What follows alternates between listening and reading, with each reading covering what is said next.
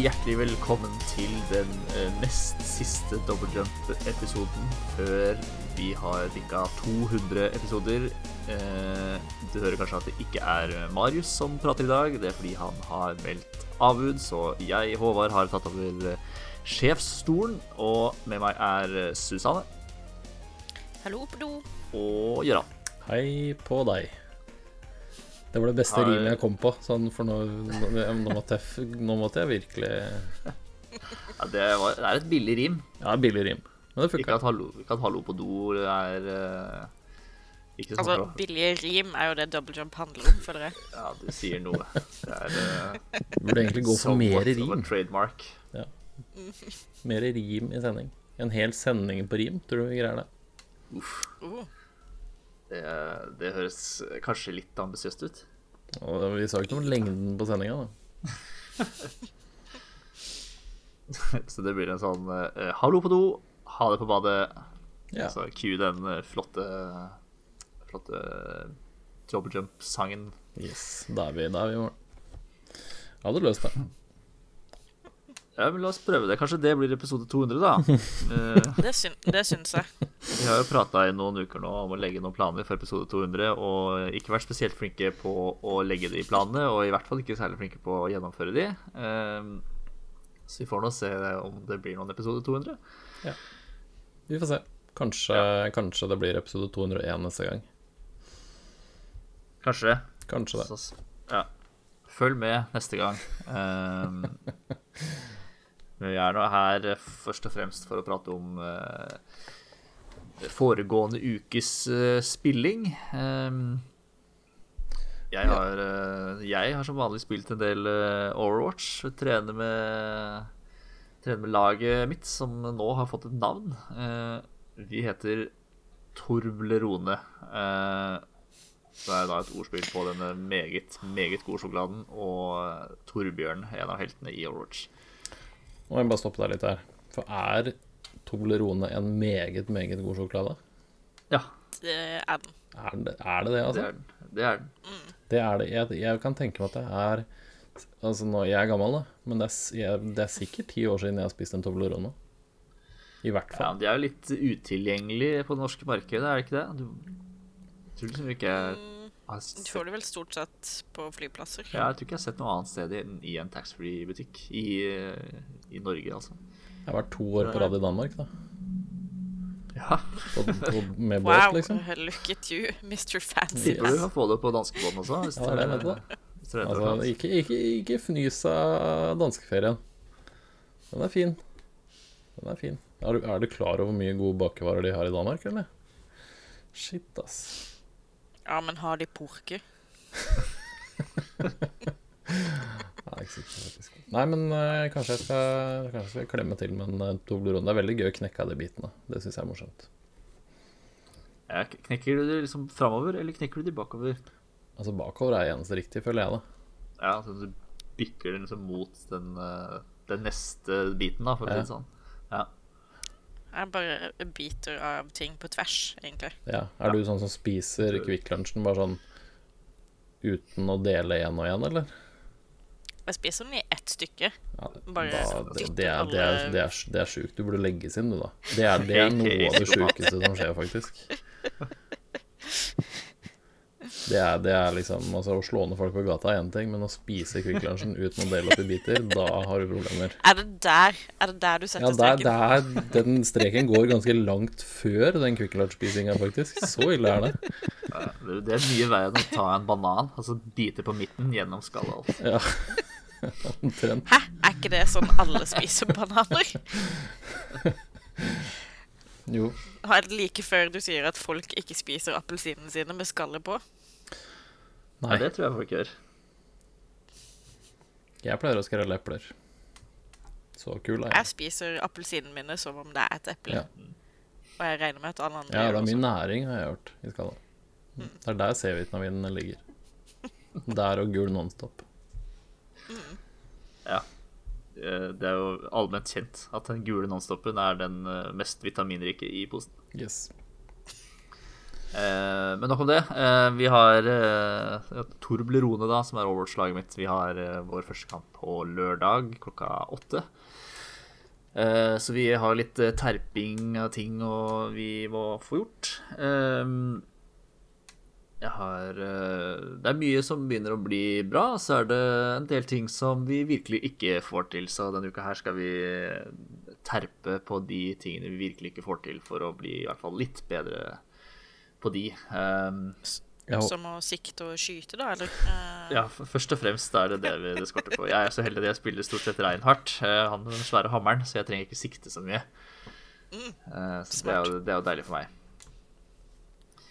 Eh, Så vi vil se. Det er mye samme traten eh, der, da. Nå, Det er vel tredje eller fjerde uka jeg snakker om eh, og sier nesten det samme. Så det var litt godt å kunne bringe i hvert fall et lagnavn til. Og dette kamptidspunktet, lørdag klokka åtte. er, det, er det streames det, eller? Jeg, jeg håper det. Jeg har sagt fra at det hadde vært kult om det ble streama, for jeg har fått hint om, fra, flere, om at, fra flere hold om at de har lyst til å se, se, meg, se meg spille. Um, med det så mener de sikkert at de vil se meg dumme ut, da. Men uh, det kommer til å bli posta linker i sosiale medier hvis uh, hvis det blir noe streaming, så følg ja, meg og Double Jump for så vidt. Eh, Så skal du nok bli opplyst om eh, når, nei, eller hvor dette kan, eh, kan ses. Um, så kan vi snakke om eh, Minecraft Dungeons, eksempel. Ja.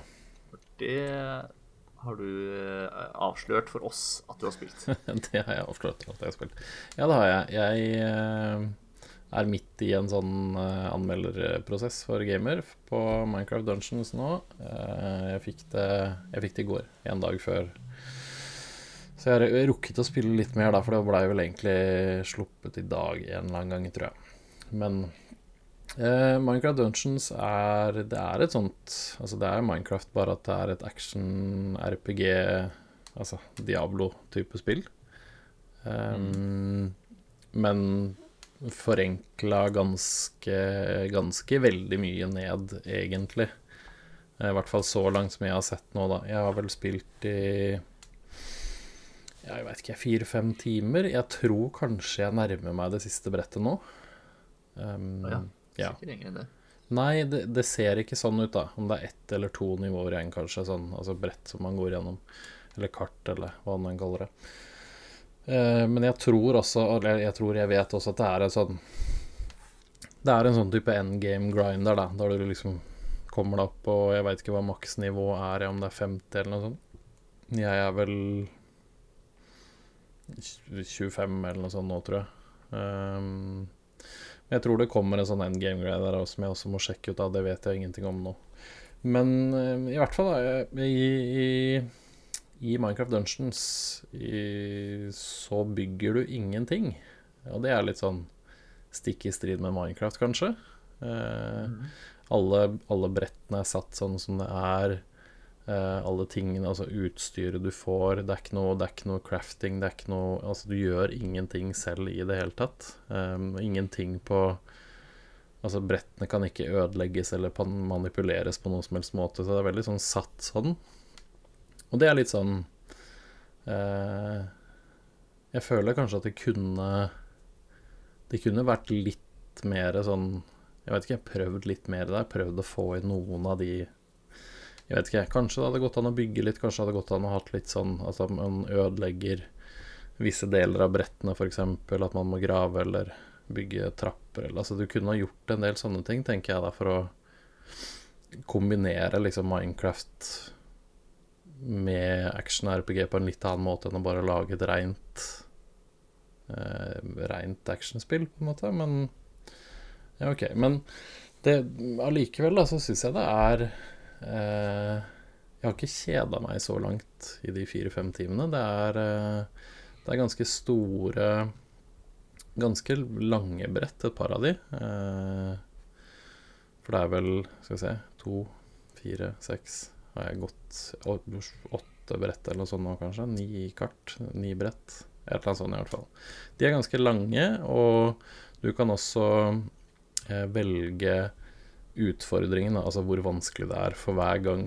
Det er også litt sånn eh, Det er veldig lite av det her som er nytt da, i den sjangeren. Men du kan velge liksom om du vil eh, For du har en sånn gear score, da, eh, som er typ si 15, da. Etter to-tre brett så er du der. Da kan du velge å øke, øke vanskelighetsgraden, sånn at du får høyere gear score, eller høyere Altså bedre utstyr. Men også da selvfølgelig så er fiendene mye vanskeligere. Eh, jeg har stort sett spilt det på ett hakk over det jeg har vært. Eh, da får jeg mer XP og litt bedre våpen, og progresjonen går litt fortere. Uten at det har vært noen sånn kjempeproblemer med det. Jeg har møtt på et par eh, Et par sånne vegger der det plutselig har blitt mye vanskeligere. Jeg vet ikke om det er fordi jeg kanskje har vært litt uheldig med, med geardrops og sånn, eller om det bare er liksom et lite hopp i vanskelighetsgrad. Det er litt så vanskelig å si. Men altså, det spilles egentlig som et ganske sånn standardspill. Du, altså, du kan styre Bruke enten kontroll eller mus. Jeg bruker tastatur og mus, og da er det sånn Klikke dit du vil, og klikke på den fiende du vil angripe, og så slår du med et sverd eller Eller mindre kniver eller en, et spyd, eller altså alt etter hva du har equippa. Og så har du også en bue eh, som du kan bruke avstands, som avstandsvåpen. Da. Der har du også piler som du må plukke opp. Så du kan gå tom for piler. Det har på en måte ikke Det har ikke bua noen funksjon. Eh, ellers er fiendene liksom henta fra Minecraft. Det er creepers, og det er villagers, og det er eh, eh, sånne endermen kommer opp Eh, så det er veldig sånn kjent og kjært sånn. Jeg syns også nivådesignet og detaljene og sånn er veldig Ja, det syns jeg er vellagd. Det ser liksom Det er et pent Minecraft-spill sånn sett, da. Det er morsomt å liksom gå gjennom de forskjellige. Altså, det er et lavabrett, og det er eh, skogsområder, og det er eh, landsbyer og eh, Jeg skulle ønske jeg var så flink til å bygge landsbyer som det de var når jeg spilte Minecraft. Det var jeg ikke. Men eh, Nei, altså det, den delen av det syns jeg er Den er ganske bra. Kampene er eh, ikke veldig utfordrende. Det kommer et par fiender som er litt leie, og så er det et par bossfighter som også kan oppleves som litt, eh, litt vanskelig, tenker jeg. I hvert fall eh, I hvert fall kanskje for den yngre garde. Jeg syns det var vanskelig par av de jeg, som er eh, forholdsvis dreven da i den sjangeren her. Ikke jeg jeg er ikke noe ekspert, ikke, jeg skal ikke si det. Men jeg har spilt 500-600 timer Path of Exile nå, så jeg, jeg kjenner igjen liksom angrepene, men uh, det er allikevel noen av de som var litt vriene. Um, men jeg syns det, det, det, det, funker liksom helt greit. Det er ikke noe sånn Det er ikke veldig mye med Minecraft Dungeons som er dårlig enn så lenge. Jeg syns eh, kontrollen er litt sånn Eh, litt sånn treig i responsen, men det tror jeg kanskje er med vilje. Det går litt saktere. Altså, figuren løper litt saktere, angrepene er litt treigere enn en de andre spillene. Jeg tror det er gjort bare fordi det skal være litt litt eh, tilpassa andre spillere også. Eh, og så syns jeg Men jeg syns Altså selve liksom utstyrsgreiene, da. Du har et sverd. Eh, og du har en rustning, og du har en bue. Og så har du også tre sånne artifacts, og det er De har andre angrep eller andre egenskaper. Det kan være sånn eh, du fyrer av en rakett som gjør masse sånn AOE damage, eller du har noe som gir deg bonus på defense, eller du kan sømme en ulv, eller en hund, er det vel kanskje, jeg vet ikke. Eh, du kan ha tre av de også equippa til enhver tid. Og det er liksom hele progresjonen på figuren din. Eh, det er ikke noe, noe skill-tre, det er ikke noe Når du går opp i nivå, så får du en sånn eh, et poeng som du kan bruke til å låse opp bonuser på rustningen eller på våpenet eller på pil og bua di. Så et sverd kan på en måte få at du, at du setter fiendene dine i flamme, da og det gjør så og så mye skade. Det koster ett enchantment point, og så har du tre sånne oppgraderingsnivåer på det. Så det er liksom Du gjør fire, fire brannskade, eller gjør du åtte, eller gjør du tolv, liksom. Eh, Og det er hele De tre nivåene der, det er det eneste måten du liksom bygger figuren din på. Det er ikke noe Det er ikke noe annet. Så det kjennes kanskje litt sånn eh, Litt tynt ut etter hvert, kanskje. Men vi har ikke kommet til endgame, så det er litt sånn vanskelig å si. Men eh, det kjennes ut som det er litt lite, da. Kanskje. Og så syns jeg de er veldig gniende med, med loot drops, egentlig. Altså, for det er liksom litt av greia med sånne spill, er at du får Du får masse utstyr, du får masse kombinasjoner, du skal prøve alt mulig sånn, men jeg har kjørt et map da i si kvarter, 20 minutter, så kommer jeg tilbake, så har jeg kanskje tre, fire, fem nye ting som jeg har, som har droppa. Og det er litt sånn Jeg vet ikke, litt av gleden, litt av moro Det som er gøy med det, er å få masse ting. Masse nye, kule ting for å se om det er bedre, eller om det er dårligere, eller uh, Så jeg, jeg ville, jeg ville ønska meg mer drops, da. Mer ting som dropper hele tiden, bare fordi det, det gjør det litt mer gøy. Det gjør det litt mer rewarding å spille det. Ser du tall på skjermen i dette spillet? Du ser tall, tallene blir større. Nice. Ja da, og det er forskjellig Du får utstyr som er eh, også de riktige fargene, så du har liksom grønne items og blå som da er litt bedre, ikke sant, lilla, og så har du Unix som er oransje, så det følger veldig sånn klassisk alle disse tingene, men det er Ja, jeg skulle ønske det bare var mer av det, egentlig. Eh, ikke nødvendigvis mer gear slots, men bare at det kom Du fikk mer gear, at det var mer komboer du fikk lov til å prøve. Mm. Eh, for det er litt sånn eh, Du kan gå Og det er, det er en litt sånn rar ting med det. For altså, du har ikke én satt vei, da. Eller du har stort sett det på et kart, men så er det liksom sideveier som brancher ut. Og da tenker du sånn Å ja, da må jeg gå og utforske der, for der er det sikkert ingenting. I jeg vet ikke, kanskje åtte av ti tilfeller så er det ingenting der i det hele tatt. Så da kan du typ gå i to minutter til en dead end, og så er det ingenting. Og så må du gå tilbake igjen uten at det skjer noen ting. Og det er litt sånn Jeg vet ikke, jeg tror de fleste utviklerne hadde liksom bare satt en kiste der. Putt en kiste der, eller gi meg en eller annen spesial fiende, eller gjøre et eller annet sånt. Og det er litt sånn ja, jeg har, blitt, jeg har blitt litt sånn lei av de der dead endsene som ikke, som ikke fører til noen ting, egentlig. Men Ja. det kan hende bare jeg som er utålmodig og krever for mye, eller ikke får nok sånn dopamingreier, eller hva det er. Jeg veit ikke. Men øh, Nei, jeg Jeg syns det virker ålreit. Altså, det virker det er vellagd, og det funker bra. Eh, jeg tror det er Det er skrudd for å passe for kanskje den målgruppa som spiller Minecraft hardest. Eh, det er kanskje ikke lagd 100% for de som er sånn hardcore Path of Exile-folk, eller som elsker Diablo 3 overalt i verden, men det er et godt alternativ. Da. Det er et litt enklere alternativ, og det litt sånn Det går litt saktere, det er litt enklere systemer, men det funker bra, liksom. Det funker bra, og jeg har hatt det gøy så langt.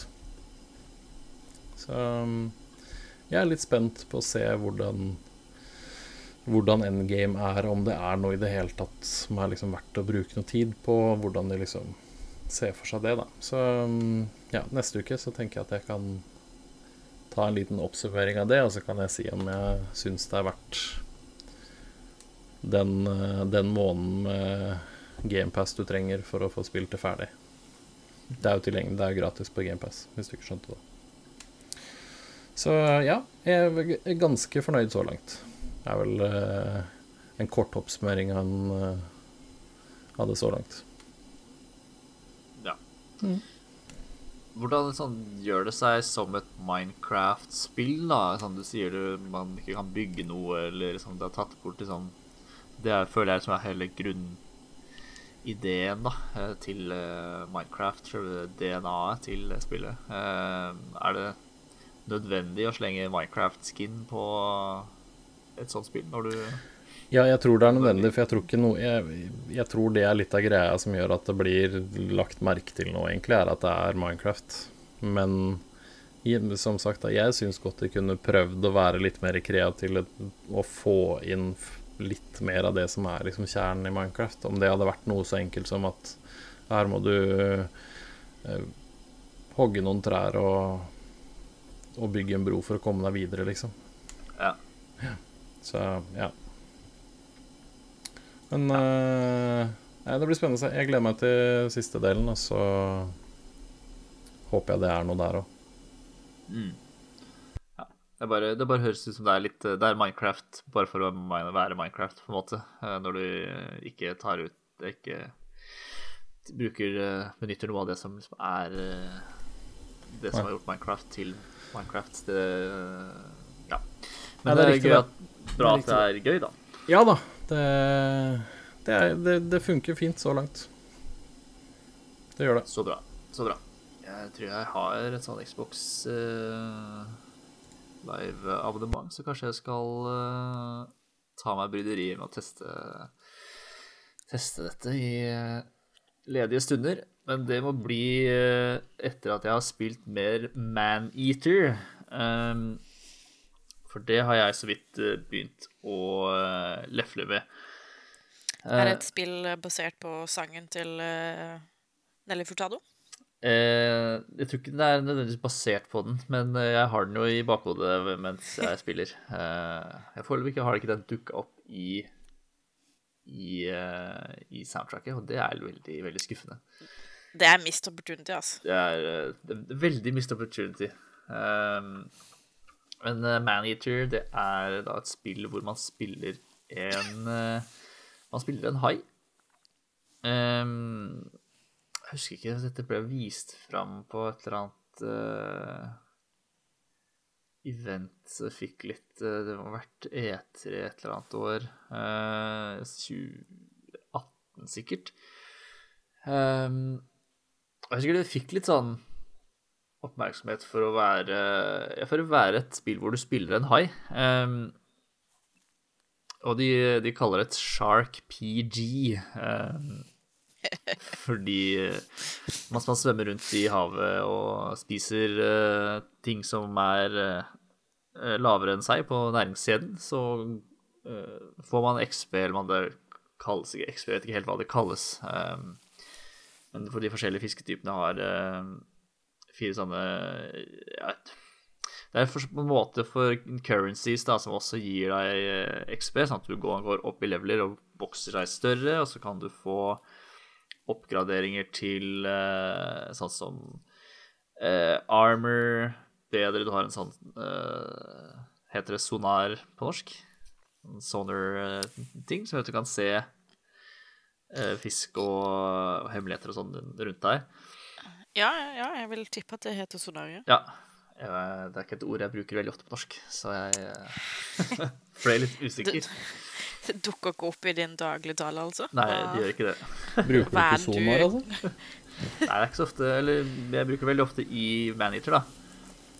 Um, men, eh, men ja, eh, man, man svømmer rundt Det er en slags Ok, settingen her da er at du starter som en uh, liten Eller først er man gjennom en sånn tutorial, men så starter man som en liten hai-valp.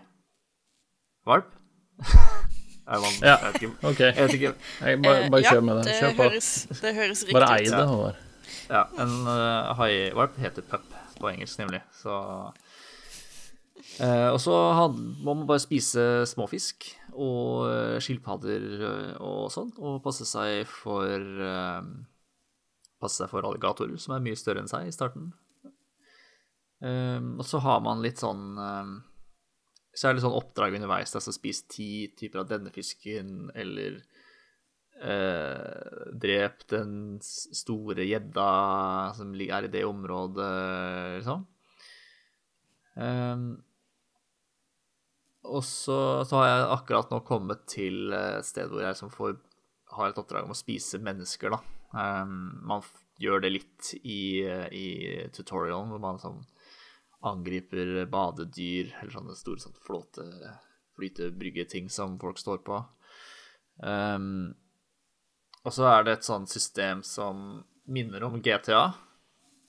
Så når du angriper mennesker, så um, varsles det en sånn form for eh, eh, kystvakt, så å si, og sånn eh, haijegere, da, som prøver å ta deg. Og jo flere av de du dreper, og jo flere mennesker du spiser, jo sånn flere jegere kommer det, da.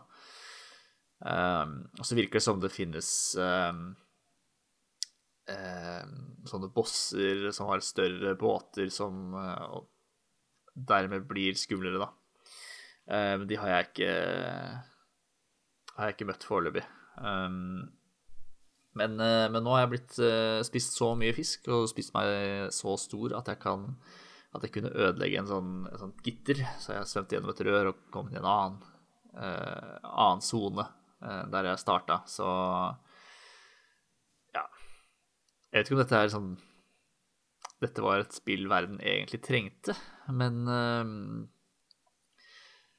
Det er jo litt gøy å svømme rundt. eh, og, og angripe ting. Og så er combaten er litt sånn litt ensformig så langt. Um, man bruker høyre triggerknapp for å bite ting, eh, venstre triggerknapp for å svømme fortere. Og så har man right bumper, er en sånn uh, dodge-ting. Og venstre bumper uh, gjør en sånn tailwhip-ting som slår ting unna. Um, så det handler liksom om å, å Man må bite de fiskene som, som kjemper tilbake, må du liksom bite mens de eh, Når du har muligheten. Og så prøver de å bite deg tilbake, da, så de stopper opp, snur seg rett mot deg, så eh, har de sånn liten boost rett i, på deg.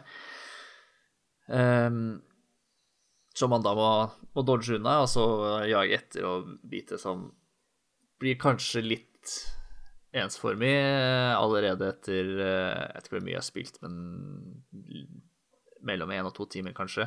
Um, allerede er det litt ensformig. Um, så etter hvert så Man gidder liksom ikke spise ting man ikke må, på en måte. Du kan jo spise Hvis man blir angrepet av alligatorene, som er mye større enn deg, så må du spise ting for å få tilbake HP-en din. Um, men um, ja, det, det, er ganske, det, er ikke veldig vanskelig å unngå de alligatorene uh, hvis man bare svømmer fort og litt målbevisst. Um, uh, så ja, jeg vet ikke om liksom jeg kan gi en sånn varm anbefaling dette må du spille, liksom. Um, det er litt stilig med med den fysikken sånn man er under vann. Du er liksom litt vektløs. Du kan sånn Man kan svømme opp og ned, og det er kult liksom, når du ligger i Ligger i overflata med en finne over vann og svømmer mot stranda hvor det ligger folk og soler seg, liksom. Det er, er litt gøy sånn den første gangen, men eh, ut av sånn selve grunnkonseptet kanskje er eh, litt kreativt, men ikke noe sånt som Jeg kan ikke huske et annet spill hvor man liksom spiller haien i Haisommer. Eh, og så er det liksom ikke noe Ikke veldig eh, kreativt. Eh, det handler bare om å svømme rundt og spise seg stor og bli skummel. Som vanlig helg, da, egentlig. ja. Så ja, vi Det er en, sånn, en, stor verden, og det er masse ting å utforske, og det er ting på land å utforske, og det er noen sånne bokser med masse av disse næringsmidlene som gjør at man vokser, som ligger rundt omkring, som er Så det er jo litt gøy, da, svømme rundt i de nye omgivelsene og se liksom hva som er rundt hjørnet her, og um, Men litt avhengig av hvor fort eller hvor rask progresjonen i spillet er, uh, så vet jeg ikke om jeg kommer til å spille det helt gjennom, altså. Um, du høres ikke videre imponert ut. Nei, ikke sånn kjempe, men det er, sånn, det er et helt greit spill. Um, vi får jo se da hvordan det blir når jeg går opp i level og får, får noen nye uh, oppgraderinger og, og sånn. Uh, kan hende det gjør det gjør det kulere, så jeg liksom combaten blir noe annerledes. Um, men Ja, jeg tror kanskje det er litt for begrensa, da. Um, du må liksom være under vann. Haier puster ikke så godt eh, eh, over vann, så Heldigvis. heldigvis. Eh, så vi får se hvor gøy det er eh, når jeg kommer nå til eh, et sted hvor jeg kan begynne å spise mennesker. Eh, og da regner jeg med at disse haijegerne kommer rimelig kvikt. Så vi ser hvor gøy det er å, å holde, på det, holde på med det i timevis. Um, kanskje klarer du å introdusere noe kjempegøy i de nye sonene, men uh, ja, teamet vil show. Time vil show. Det er jo en, eh, er en, en slags story her med med disse haijegerne som eh, det fins et, et eller annet tall eh, eller antall av. Um, så ja. Kanskje klarer det å dra meg inn i og engasjere meg, men vi får nå se. Høres ikke videre overbevist ut. Nei. Uh, nei. jeg tror Ja. Jeg tror ikke du, du skal være veldig glad i RPG eller rollespill for å like dette. Jeg tror det er rollespillelementene her er eh, tilsynelatende svært begrensa foreløpig. Ja. Ja, ja. Så vi får nå se. Ehm, vi har et eh, tredje spill på M eh, som er blitt spilt av eh, noen av oss i denne uka. Det er eh, My Friend Pedro. Eh, det har du spilt før, Gøran. Yes, sir. Og har du har spilt denne uka, Susanne. Eh, stemmer det. Jeg har ikke spilt kjempemye. Eh, bare et par brett for å se eh, For å se hva det gikk ut på. Eh, og det tar vel egentlig ikke mer enn et par brett for å skjønne hva det går ut på. Nei, det tar vel omtrent 30 sekunder det første brettet å skjønne hva det går ut på. For du, du er rett på det. Eh, så det er jo i bunn og grunn bare eh, Deadpool møter John Wick pluss en banan. Yes. Og så har du egentlig hele, hele konseptet. Mm. Så det er jo en, en vakker liten uh, bøtteballett med uh, kuler og krutt. Uh, veldig, jeg syns det er veldig gøy, jeg synes det er veldig underholdende. Men det er ikke noe jeg gidder å, å sitte og spille i timevis. Det holder liksom med et par brett her og der. Le litt, skyte litt. Knerte skurker på oppfinnsomme måter, og så legge det fra meg, på en måte. Eh, men jeg tror det er et spill som kan være litt gøy å spille i tandem. Eller sammen med noen andre. At man bare bytter kontroller etter hvert brett. Og så tror jeg også det er et spill som eh, kan være gøy å spille med noen alkoholenheter innabords. Så jeg planer, eh, planlegger å teste det til helga. Alkoholenheter eller spill. Ja. Ja. Mm. ja, nei, det, kan- det kan jeg tenke meg. Altså, det er jo Det er teit, og det er over toppen, og du gjør masse kule ting, og så spruter det blod, og så går du videre, og så gjør du det samme igjen, og så gjør du det samme igjen, og så gjør du det samme igjen. Og det er, det, det er liksom ikke kjedelig å ta eh, dobbel salto og skyte to stykker i hodet før du tar en, eh, en flykick på den tredje, og så sprenger det et eller annet sted fordi du har gjort noe annet. Ja. Men ja, jeg, jeg ser den, at det er litt sånn Hoppe inn, ta noen brett, og så er det litt sånn Ja, det var greit nå. Kan vente litt. Ja, Jeg spiller det jo ikke akkurat for historien sin skyld, på en måte. Nei, ja, bananen er litt morsom. da. Ja. Eh, den er underholdende når den dukker opp. Nei, men jeg, jeg ser den. Jeg er med på den. Har du spilt noe mer eh, Deliver Us The Moon, da?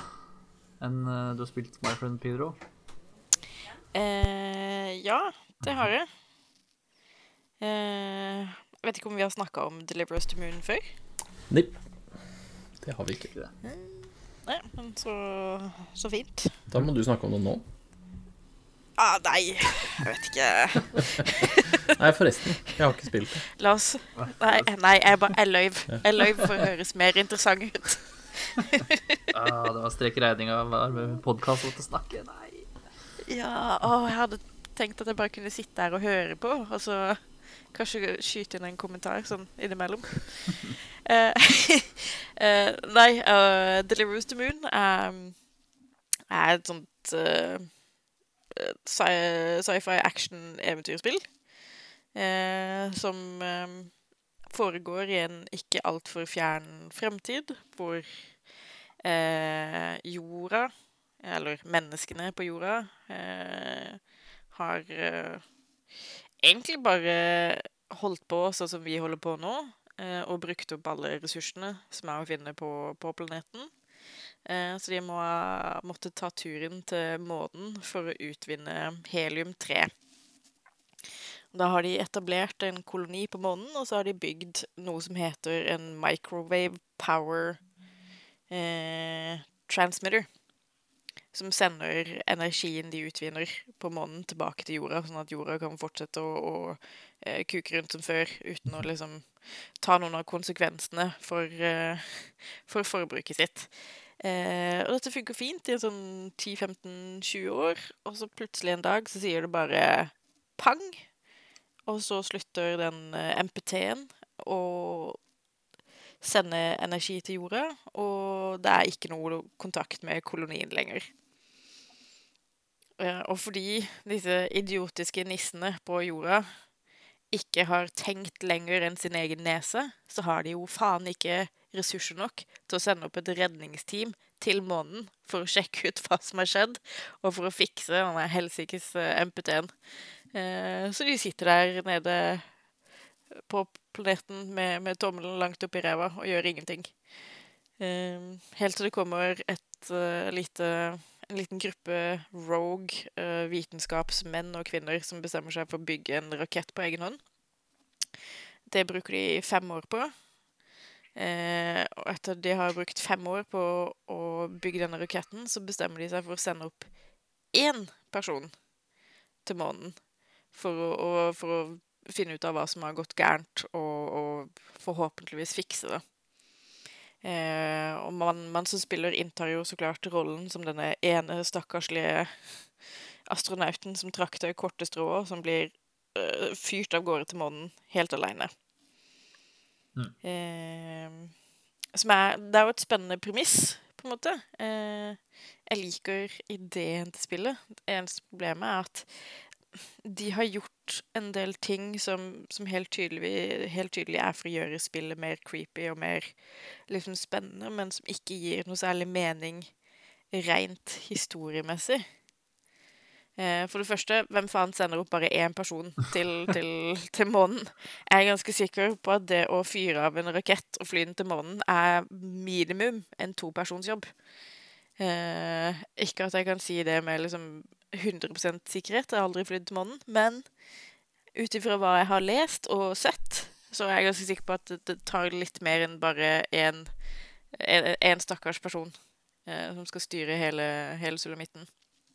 Og for det andre så er jeg ganske sikker på at det er lurt å ha et crew på bakken som tar seg av eh, alt på liksom kontrollsenteret i forkant av launchen, istedenfor at du har denne ene stakkars idiotiske astronauten som for det første må ta seg alt på kontrollsenteret.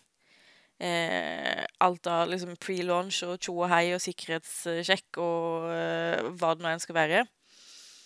Eh, og så spurte ut til raketten og klatre opp i den, for så å fyre den av manuelt derfra. Eh, innen en sånn kjempestorm eh, treffer basen. Og du har liksom to minutter på deg til å gjøre hele driten. Eh, og klarer å komme deg ut i, i orbit da, uten å daue. Og jeg er litt sånn Jeg er ganske sikker på at det er flere folk på denne basen.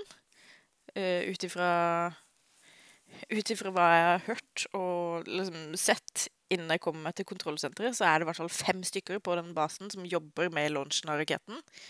Eh, som har vært der helt frem til dagen før, hvor de tydeligvis har hatt en eller annen fest for å feire launchen. Og så er det ingen av de som dukker opp på selve launchdagen, fordi de mest sannsynlig er kjempehungover. Eh, det er i hvert fall den forklaringa jeg har laget meg. Feira de launchen før, uh, før launchen faktisk fikk sted? Ja. Dette høres ut som en sann Eh. historie, tenker jeg da.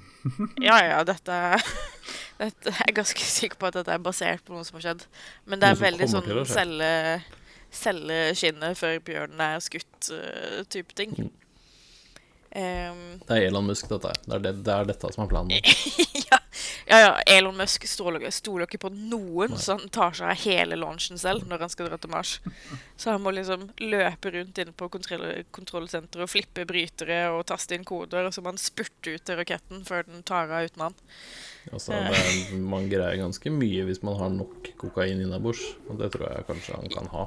Så Ja, jeg tror det er mye, mye drugs involvert der. Eh, eh, men ja, og så er det Bra at Elon Musk ikke snakker norsk, si. Eller gjør han det? sikkert en fin fyr, han altså. Han sitter sikkert Han har sikkert liksom trackere som plukker opp hver eneste gang eh, navnet hans blir nevnt, og så blir det oversatt av en eller annen AI. Sånn at han kan få vite alt som blir sagt om han over hele verden. Det er litt sånn Harry Potter-stemning å si han du vet, eller han Ja. hvis navn ikke må nevnes. Ja. Uh... Det var ikke meningen å sette deg ut. Uh... ja, nei, nå venter jeg bare på at Elon Musk skal komme og sparke inn døra mi her. Og be meg ta tilbake alt det jeg har sagt. Og gi deg masse penger. Ja, ja nei, du jeg ser ikke Jeg ser ikke for meg at det skjer. Nei. Men Ja. eh, i Deliver Us to Moon så gjør de også en del sånn par narrative trekk som jeg ikke er noe spesielt fan av. Eh, for det første så blir jo hele premisset for hvorfor du drar opp i rommet, forklart helt i begynnelsen av spillet med en voiceover. Men så blir på en måte all denne informasjonen gjentatt til deg som spiller, eller astronauten, via en sånn Via en av disse folkene som egentlig skulle ha hjulpet deg med launchen, men som ligger i senga si og er kvalm fordi de har drukket for mye Tequila. Eh, som, som forteller deg på en måte ting du allerede burde vite, fordi du faktisk er en jævla astronaut som skal skytes opp til månen for å fikse det alt som har gått galt der. Eh, og det er liksom Ja, jeg skjønner at du gjør dette for å forklare hva som skjer, men vi burde allerede vite hva som skjer av liksom, hvilken karakter vi spiller. Eh, så det blir liksom veldig mye eh, historiebygging, eller verdensbygging, via eksposisjon i dialog, og det er liksom ekstremt lat historiefortelling, syns jeg. Eh, du ser det veldig ofte i liksom, dårlige TV-filmer eller dårlige krimdrama, hvor du har en etterforsker som kommer inn og bare er sånn Ja, OK, her er det liket som eh, vi fant på den og den plassen, og så ble drept på den og den måten, og nå etterforsker vi denne saken, og her er det jeg har funnet ut hittil, til kollegaen sin, som sikkert har vært med på saken helt fra begynnelsen av. Eh, det er Sånt irriterer meg. I tillegg så har de greid å lure inn tittelen på spillet i en dialog to ganger nå. Og jeg er sånn Spillet heter 'Deliver Us The Moon'. Fortell meg hvor ofte den setninga kommer opp organisk i en samtale, liksom. hver gang eh, Hvis navnet liksom, på en film eller en serie eller en episode eller noe sånt, så blir det nevnt i den spill, det spillet, den episoden, den filmen. Så jeg blir sånn Hei, det er navnet på denne tingen jeg ser på. Ja, det er litt sånn Det tar deg litt ut av av fortellinga, på en måte. Ja. Eh, men nå har jeg i hvert fall eh, kommet meg opp til en eller annen romstasjon som, eh, som er Det er ikke så mye futt i den, så jeg må få den opp og kjøre før jeg kan tusle nedover til månen. Eh, og det er for så vidt relativt spennende. Det er, liksom, det er ikke noe tyngdekraft der, det er lite oksygen. Du er vektløs og flyter rundt med bare en lommelyktehjelp, på en måte. Og så Mm. får du en laserkutter som du kan fyre av willy-nilly, som jeg føler er kanskje ikke det smarteste i, i rommet. Hvor det er mye ting som kan bli ødelagt og gjøre at du dør hvis du kutter de i stykker. eh, tror jeg. Altså, nå har jeg jo ikke vært i rommet, så det er jo vanskelig å si hvordan ting funker der oppe. Eh, men jeg ser for meg å liksom kutte gjennom en eh, vegg som beskytter deg mot vakuum. Um, ved et uhell kanskje ikke er det lureste. Nei, altså det er ikke noe sånn jeg hadde liksom Jeg hadde ikke, jeg hadde ikke eh, på en måte gjort det for å sjekke, tror jeg. Skal vi se om dette går bra. Ja, altså, du får jo, du får jo bare til den ene testen, og så, og så er du fucked, på en måte. Nei. Men altså, spillet er jo Spillet er jo spennende, og jeg liker Det opererer på en måte innenfor en sjanger jeg liker veldig godt. Uh, noe har gått galt, og du må finne ut av hva, og alt er ikke sånn som det virker. Uh, så det er liksom Og sci-fi på månen er jo alltid gøy. Jeg er jo veldig glad i Moon, blant annet, og jeg syns Apollo 18 var kjempegøy. Moon Eh. er det med han Han som jeg aldri husker navnet på. Sam Rockwell. Yes. Han er så kul. Mm. Uh, det liksom minner om Johan Harstad sin Darla, blant annet, som vant Brageprisen i sin tid. Uh, og mye annen science fiction som jeg setter veldig pris på. da. Så jeg er spent på å se i hvilken retning de tar De tar det her spillet. Mm. Eh, for nå har jeg jo liksom jeg har vært inne i en, Nå har jeg vært inne i en robotfase. Så nå tenkte jeg at nå skal jeg følge opp den uh, spooky ting på månen fra Destiny-fasen, og bare spille sp spooky månespill. Uh, så jeg begynner med, med Deliverous Moon, og så tenkte jeg å følge opp med uh, Moons of Madness Uh, etter det. stemmer det. Viktig å være sånn tematisert i spillinga si. Ja, ja, ja. Det er, det er ikke det dummeste. Har du Nei. spilt, uh, har du spilt et ta Takoma? Uh, nei. Nei. Det har ikke jeg heller, nemlig. Det- Så- Foregår det på månen? Nei, men det er oppe i verdensrommet. Men jeg tror ikke det er må... Jeg vet ikke om det er månen. Ok, ja, jeg får putte det på lista. Ja. Så om en 20-30 år så skal jeg, skal jeg spille det. Gjør det. Nei, jeg veit ikke. Jeg, det er jo Det er de Gone, eh, gone Home-folka. Men jeg har ikke, jeg har ikke spilt det, av en eller annen grunn. Jeg veit ikke hvorfor. FTL er jo et bra romspill.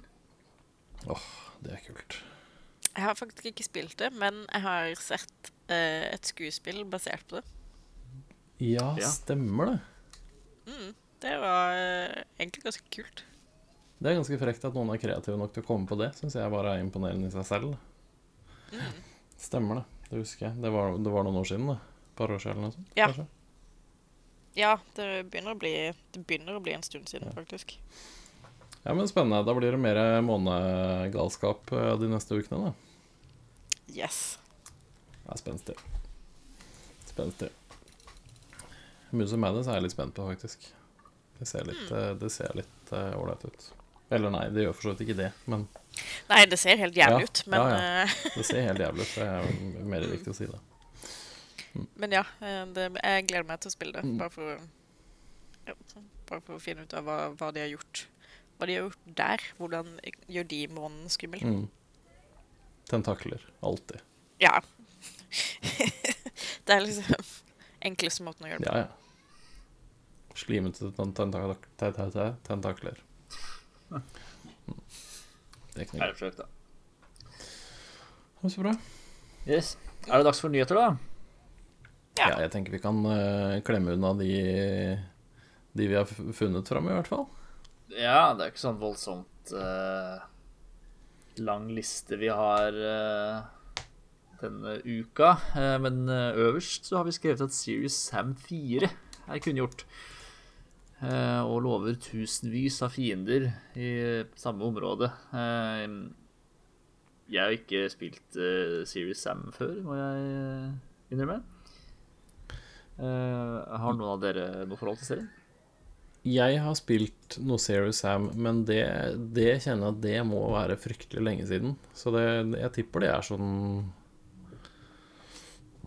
ja, jeg vet ikke, 15 år siden eller noe sånt? 20 år siden? eller? Jeg tror jeg spilte de første spillene når de kom. Mm. Det er litt sånn uh, Jeg husker det som uh, Doom, bare teit. Jeg vet ikke om Ja. det er riktig. For jeg har spilt mye spill siden da. Men jeg tror det er litt sånn. Altså det, er, det er skyting, og det er litt sånn humor blanda i ett. Uh, han Sam er vel litt sånn teit spillfigur, tror jeg. Eh, men eh, det Jeg veit ikke. Det ser jo litt sånn Det ser jo ikke så halvgærent ut, det nye spillet. Men det, det skal jo komme allerede i år. August i år. Så det Jeg har bare sett den ene Var det en live action-trailer de slapp for en stund tilbake? Det kan det nok hende de gjorde, ja. Ja, den ser jo Den ser fullstendig sprø ut. Så Mm. uh, jeg kommer til å spille det spillet bare basert på den traileren. Jeg trenger jo ikke vite noe mer. Nei, det er masse Det er masse demontype monstre, og så er det masse svære, svære våpen og masse fiender og sånn. Så det kan jo, altså for all del Det ser, det ser ikke så verst ut i gameplay-videoene og sånn som har sluppet, så kan hende det blir gøy. Men det er litt sånn Litt sånn humoristisk vri på å skyte masse ting. Ja. Det kan jo være greit, det. Ja, følg med på Steam og Google Stadia. Ja, følg med på Steam, da. eh, I august Ingen som følger med på Google Stadia lenger. Så. Jo, det er Marius, kommer en, kommer en mer spesifikk dato uh, senere, får vi tro. Ja. Um, uh, deretter har vi en nyhet om G2A. Denne Det er en nettside hvor du kan kjøpe veldig billige spill. eh, spillkoder. Og de er eh, ofte billige fordi eh, de er uh, stjålet.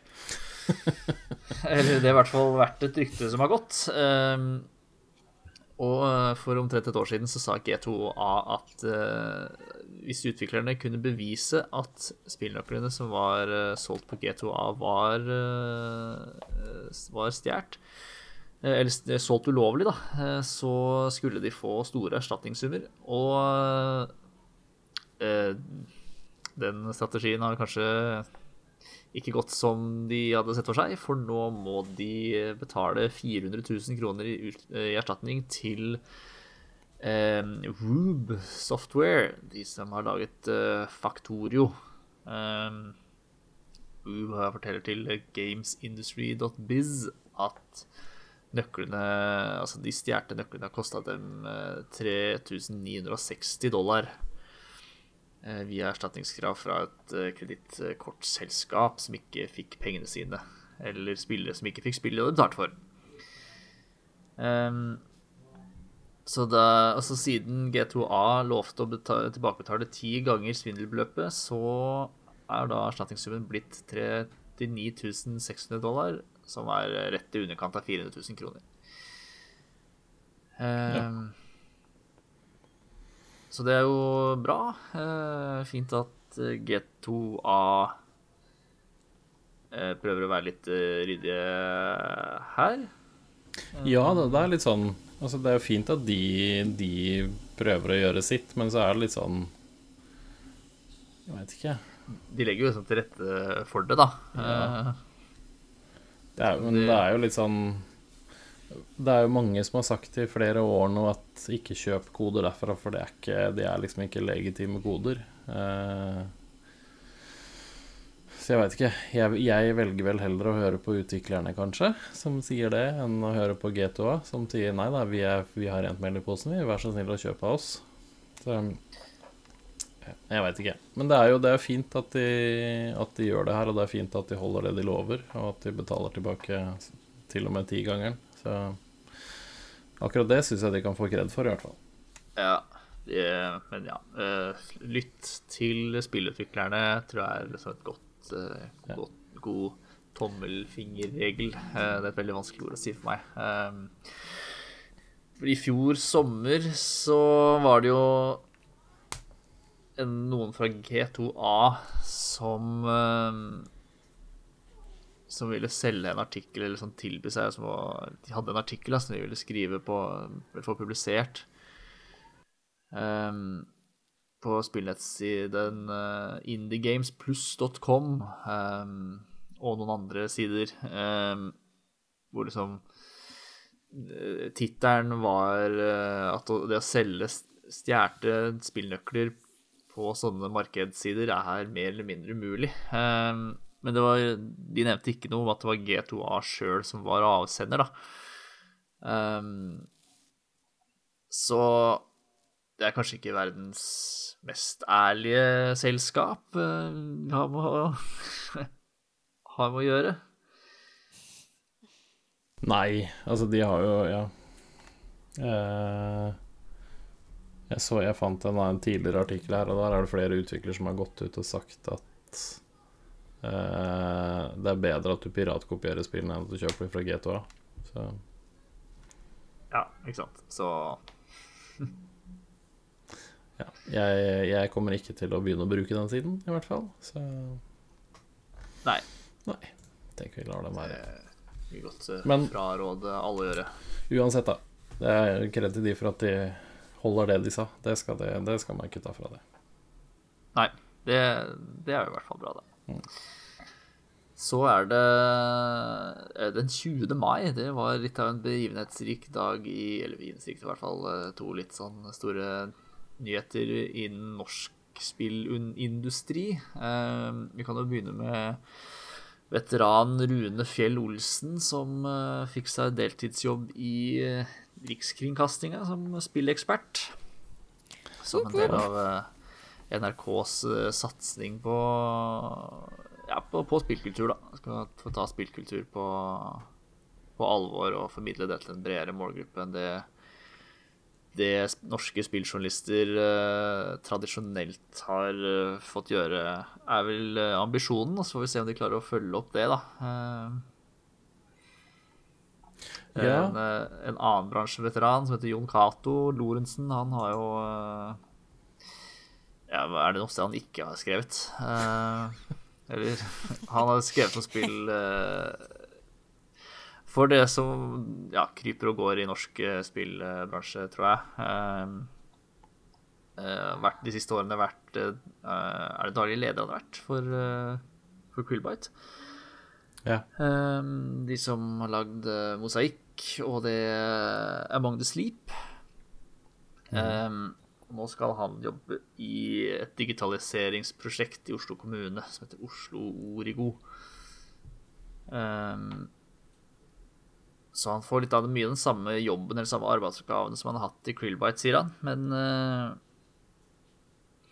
i et uh, større omfang av en viktig samfunnsoppgave i bunn, sier han. Uh, så at det er vel første gangen på Jeg vet ikke hvor mange tiår det er at han ikke skal jobbe med dataspill. Um, Jeg tror han sa det selv at det er 25 år han har jobba med 25, i, ja. i spillbransjen i en eller annen form eller fasong. Så Ja, for han har sånn, enten solgt, eh, solgt de eller skrevet om de, eller uh, Ja. Men han har i hvert fall skrevet uh, en del anmeldelser for Aftenposten, eksempel. Um, som har kanskje vært hans hans alibi for å forsøke å, bre, å spre spillkultur til en bredere målgruppe, som nå Rune skal gjøre i NRK. Så vi får vel se. Eh, 25 år, ja. Det er jo nesten Han har jo vært i spillbransjen i neste, nesten hele mitt liv, da. Ja, han, er, han skal vel fortsatt eh, med, med Lolbua, så vidt jeg eh, Ja. har skjønt. Den, den stopper ikke, og, og Rune skal vel også fortsette med level up i tillegg til NRK-satsinga, da. Så de, de blir ikke borte fra de tingene der, i hvert fall. Så det ja, Jon Cato er ikke helt ute av spillbransjen, men han skal ikke jobbe 100% med det nå da lenger, i hvert fall. Nei, nå blir spill bare hobby for han. Han har jo også en månedlig spillquiz på Tilt i Oslo. Som er Er det den første tirsdagen i måneden? Yes. Yes, det er noe sånt. Søk det opp, på, søk det på Facebook hvis du er interessert i en, eh, å være med på en altfor vanskelig spillquiz. Ja, den er eh, veldig populær, som dukker opp tidlig. eh, og vær forberedt på å gå hjem med eh, halen mellom beina. Ja. Sluke, slukeøret, ja. Ja. Jeg har vært med der én gang. Da ble jeg nummer to. Eh, og da tror jeg Audun svarte på 19 og et halvt av de 20 spørsmålene vi hadde. Jeg tok feil på den ene jeg skulle kunne. Å nei. Ja. ja så hvis du dukker opp på den quizen, så vær forberedt på å tape for nettopp Rune Fjell Olsen og level up-gjengen hans. Jeg tror de har det vel med å komme høyt på resultatlista. Ja, eller uh, uh, Pressfire er verre. De er verre, ja. Riktig. Ja. Pressfire, uh, Feet Audun fra Mm. Gamer, og så har du sesongarbeiderne, Ja, som også ofte havner høyt oppe. Riktig, riktig. herregud, jeg Som er husker liksom ikke hva litt, uh, litt funk om folk og litt diverse. Jeg skjønner, ikke, jeg skjønner ikke at folk greier å huske sånt. Jeg glemmer jo hva jeg spilte liksom for to uker siden. Jeg. Så Altså, jeg husker jo bare dette fordi vi som regel alltid taper til de folka. Eh, og nå er de mine eh, nemesiser. tenk så deilig det hadde vært å vinne over det én gang. Det er superdigg. Jeg har gått hjem fra den quizen med premier én gang, faktisk. Um, tredje premier, det... da, vil vel å merke. Uh, og det var fordi Level Up-gjengen uh, var én spiller for mye. Så de uh, ble da diskvalifisert fra, fra å vinne premier. Men de, de vant jo soleklart, men fikk ikke lov å ha premie, så da rykka vi uh, opp én plass. Så det Det er sånn man kan dra hjem med premier derfra. Eh, De deler også ut trøstepremier, som er sånn jeg har fått med meg hjem en del premier. Ja. Og på julekvisten så får alle premier. oi. Mm. Det er komme. Ja. Ja, men gratulerer med nye, nye jobber til begge to, i hvert fall. Det blir jo gøy å se hvordan NRK-satsinga ruller og går. Nå har han vel anmeldt eh, akkurat nå, så har han vel anmeldt det der Minecraft Dungeon som jeg holder på med. Ja. Som sin første for NRK, så det er jo bra. Det er all, all dekning som går i de litt større og bredere mediene jeg har spill, er jo en god ting, og Rune er jo flink. Han er jo erfaren og flink, så det, det er et bra valg de har gjort der, i hvert fall. Ja da. Eh, trygt og godt valget der. Ja. Da, men da har ikke jeg noe særlig mer på hjertet for denne uka, egentlig. Nei. Det, Nei. Jeg føler det er litt sånn eh, Det er litt sånn stille før stormen, eh, men det er jo ikke noe mer enn at Last of Us kommer om eh, tre korte uker. Ikke glem Paper Mario, da. Ja, det har jeg glemt, for det bryr jeg meg ikke noe om.